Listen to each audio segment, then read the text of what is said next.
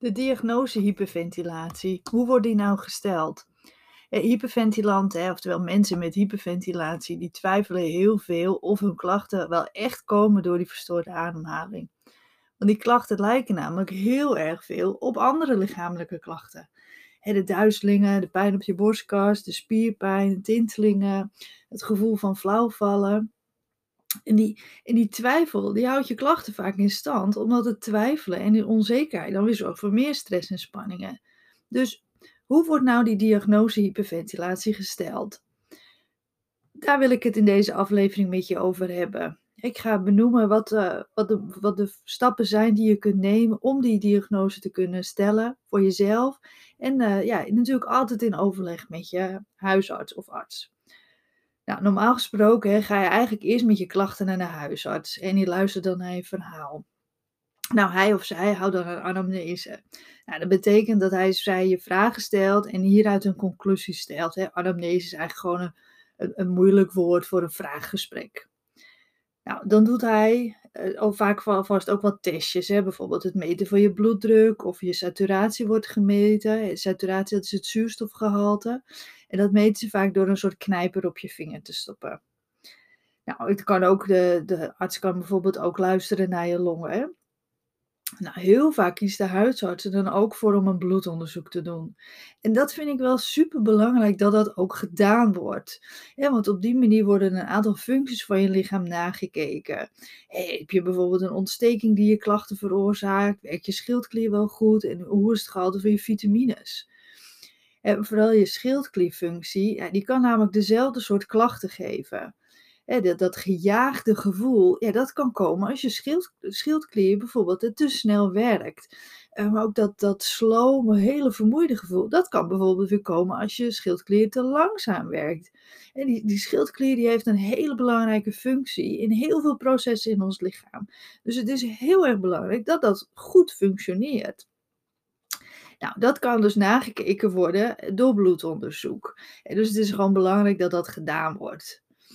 Maar ook bijvoorbeeld uh, vitaminetekort, uh, vooral vitamine D, dat speelt echt een hele belangrijke rol.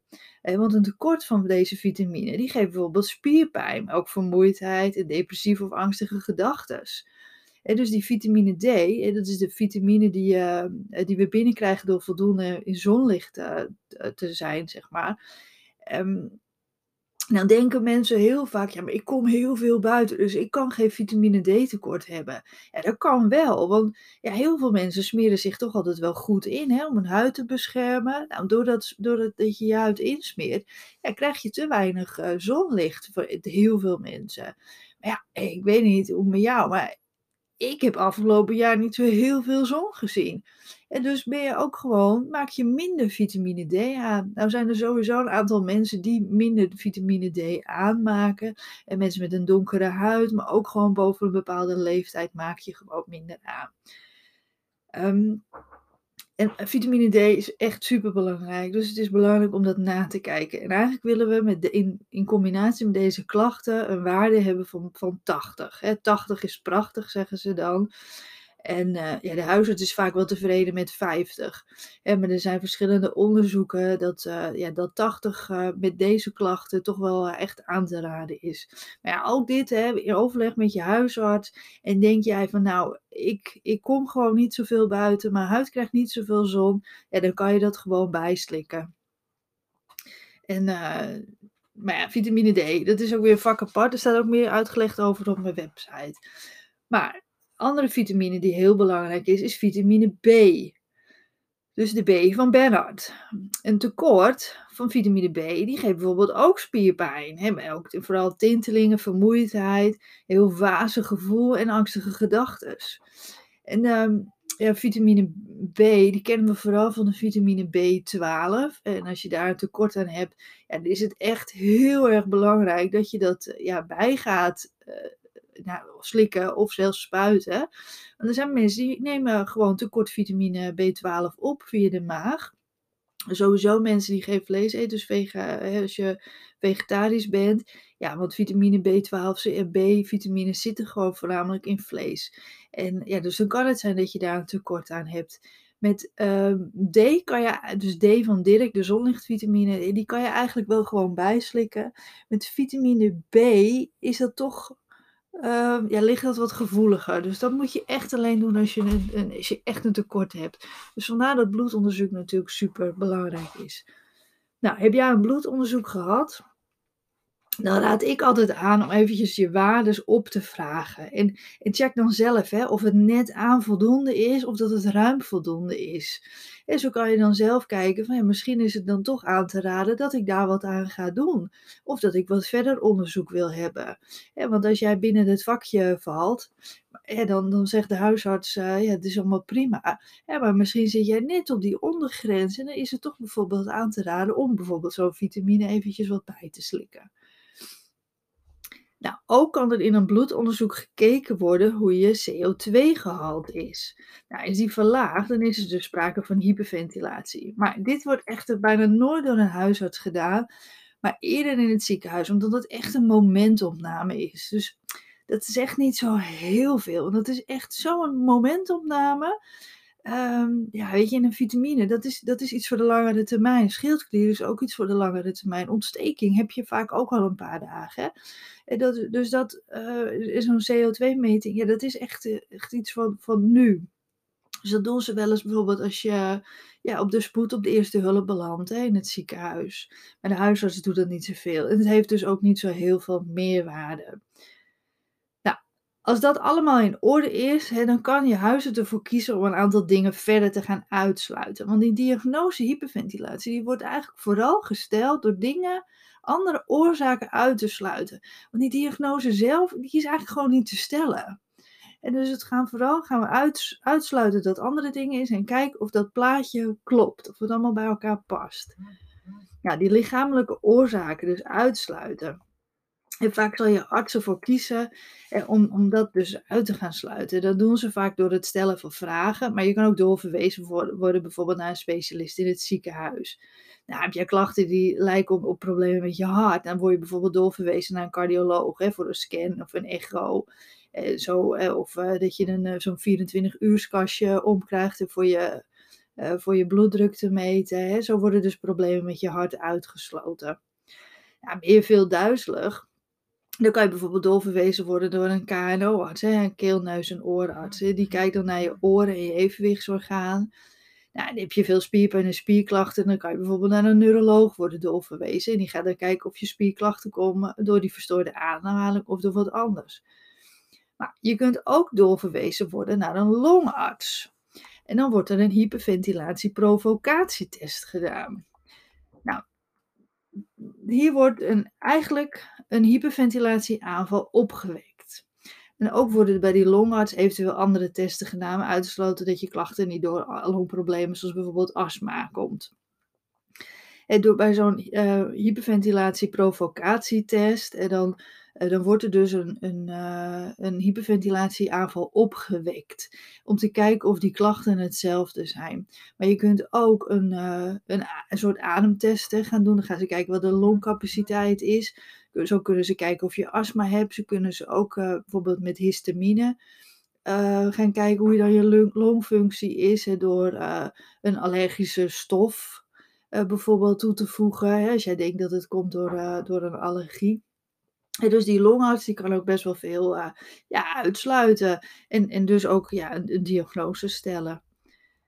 Nou, heel veel artsen en therapeuten die gebruiken de Nijmeegse hyperventilatietest als vragenlijst om te bepalen of je last van hyperventilatie hebt. Nou, deze vragenlijst stelt je verschillende vragen die je kan beantwoorden. of je er nooit, zelden, soms, vaak of heel vaak last van hebt. En hiermee wordt dan een score berekend. Nou, die vragenlijst die, uh, die kan je ook aanvragen op mijn website. Hè. De, de vragenlijst die is gratis. En dan heb ik, uh, ik heb hem wel eventjes veranderd in wat, uh, zodat de, de, de vraagstelling en dus de klachten, dat het wat makkelijker is voor je om te herkennen. En dan geef je dan een score. En die score die kan je berekenen. En dan ja, aan de hand van hoe hoog die score is, hoe hoger je waarde is, dus hoe hoger die score is, hoe groter de kans is dat jij last van hyperventilatie hebt. Nou, medicatie, hè. soms kan de arts er ook voor kiezen om je medicatie voor te schrijven. Iets wat er bijvoorbeeld voor zorgt dat je rustiger wordt, zoals een angstremmer of antidepressiva. Nou, dat is natuurlijk niet echt ehm, een diagnose, maar wel hè, op het moment dat je natuurlijk eh, iets neemt om rustiger te worden en je klachten worden minder, ja, dan kunnen we natuurlijk concluderen dat die klachten daardoor eh, ja, minder zijn geworden. Dus dat het gewoon stress is geweest. Maar een ervaren arts of therapeut die zal zien en horen aan je of je last hebt van hyperventilatie. Want je ademhaling is dan versneld en verhoogd. En een hele grote kans dat je ook achter je ademhaling aan zit als je praat. Dus veel zucht of naar lucht hapt. En dat merk je aan mensen die dan zo aan het praten zijn. En die nemen een hap lucht en dan moet je steeds even, even bijhappen. En dat, dat, is, dat is vaak echt zo'n teken dat je ademhaling verstoord is. Nou, en ook, en niet alleen die ademhaling, maar ook of je heel veel spierspanning hebt. Bijvoorbeeld dat je heel erg gespannen zit met opgetrokken schouders en spanning in je gezicht. Dat je heel erg gejaagd overkomt. Hè? Als je bijvoorbeeld met je been zit te wiebelen of de hele tijd met je handen zit te frummelen. En dat zijn vaak tekenen dat je toch heel veel spanning in je lichaam hebt. Nou, en daarnaast wordt er natuurlijk ook gewoon naar je verhaal geluisterd en daaruit een conclusie getrokken. Nou ja, de conclusie dus over hoe stel je een diagnose hyperventilatie, dat is eigenlijk dat een waterdichte diagnose van hyperventilatie er niet is. Het gaat vooral om het uitsluiten van andere lichamelijke oorzaken die je klachten kunnen veroorzaken. En worden die niet gevonden en klopt je verhaal bij iemand met chronische hyperventilatie, dan krijg je dus die diagnose meestal chronische hyperventilatie. Ja, belangrijk is natuurlijk altijd als je twijfelt dat je contact opneemt met je arts. Want die is er voor je om je gerust te stellen. Maar heb je al een aantal tests gehad en krijg je steeds te horen dat je gezond bent, probeer er dan op te vertrouwen. want dan, dan, is er, ja, dan, dan is het gewoon de hyperventilatie of de stress die de oorzaak is van je klachten. Stress doet namelijk zo ontzettend veel met ons. Onbewuste stress ook. Hè? En ook die ademhaling. Wat je al vaker in mijn podcasts hebt kunnen horen, of op mijn website kan lezen, is dat je heel vaak gewoon niet bewust merkt dat je echt verkeerd aan het ademen bent. Dat het heel subtiel is, dat je gewoon een, ja, eh, dat je iets meer ademt ten opzichte van wat je verbruikt en dat daardoor dus die onbalans ontstaat in je lichaam. Nou, twijfel jij ook of je klachten door die hyperventilatie komen? Ja, vraag dan de gratis vragenlijst aan op mijn website hè, en bereken zelf je score. En dan kan je kijken van, hé, hey, hey, nou, die score is toch wel uh, aannemelijk dat ik hier last van heb. En verder, als je twijfelt, dan ga je natuurlijk altijd naar je dokter. Vraag om een bloedonderzoek. Vraag gewoon om verder onderzoek als dat je geruststelt. En want daar is een dokter voor. Maar heb je echt al meerdere onderzoeken gehad en is steeds de conclusie, mankeert eigenlijk niks behalve dan stress en hyperventilatie, ja, vertrouw erop en ga echt werken aan je klachten, want je kunt er echt vanaf komen. Nou, ik hoop dat je uh, weer veel geleerd hebt van deze aflevering. Luister zeker ook naar een van de andere podcastafleveringen en kijk op mijn website voor heel veel meer uitleg. En bedankt voor het luisteren en tot de volgende.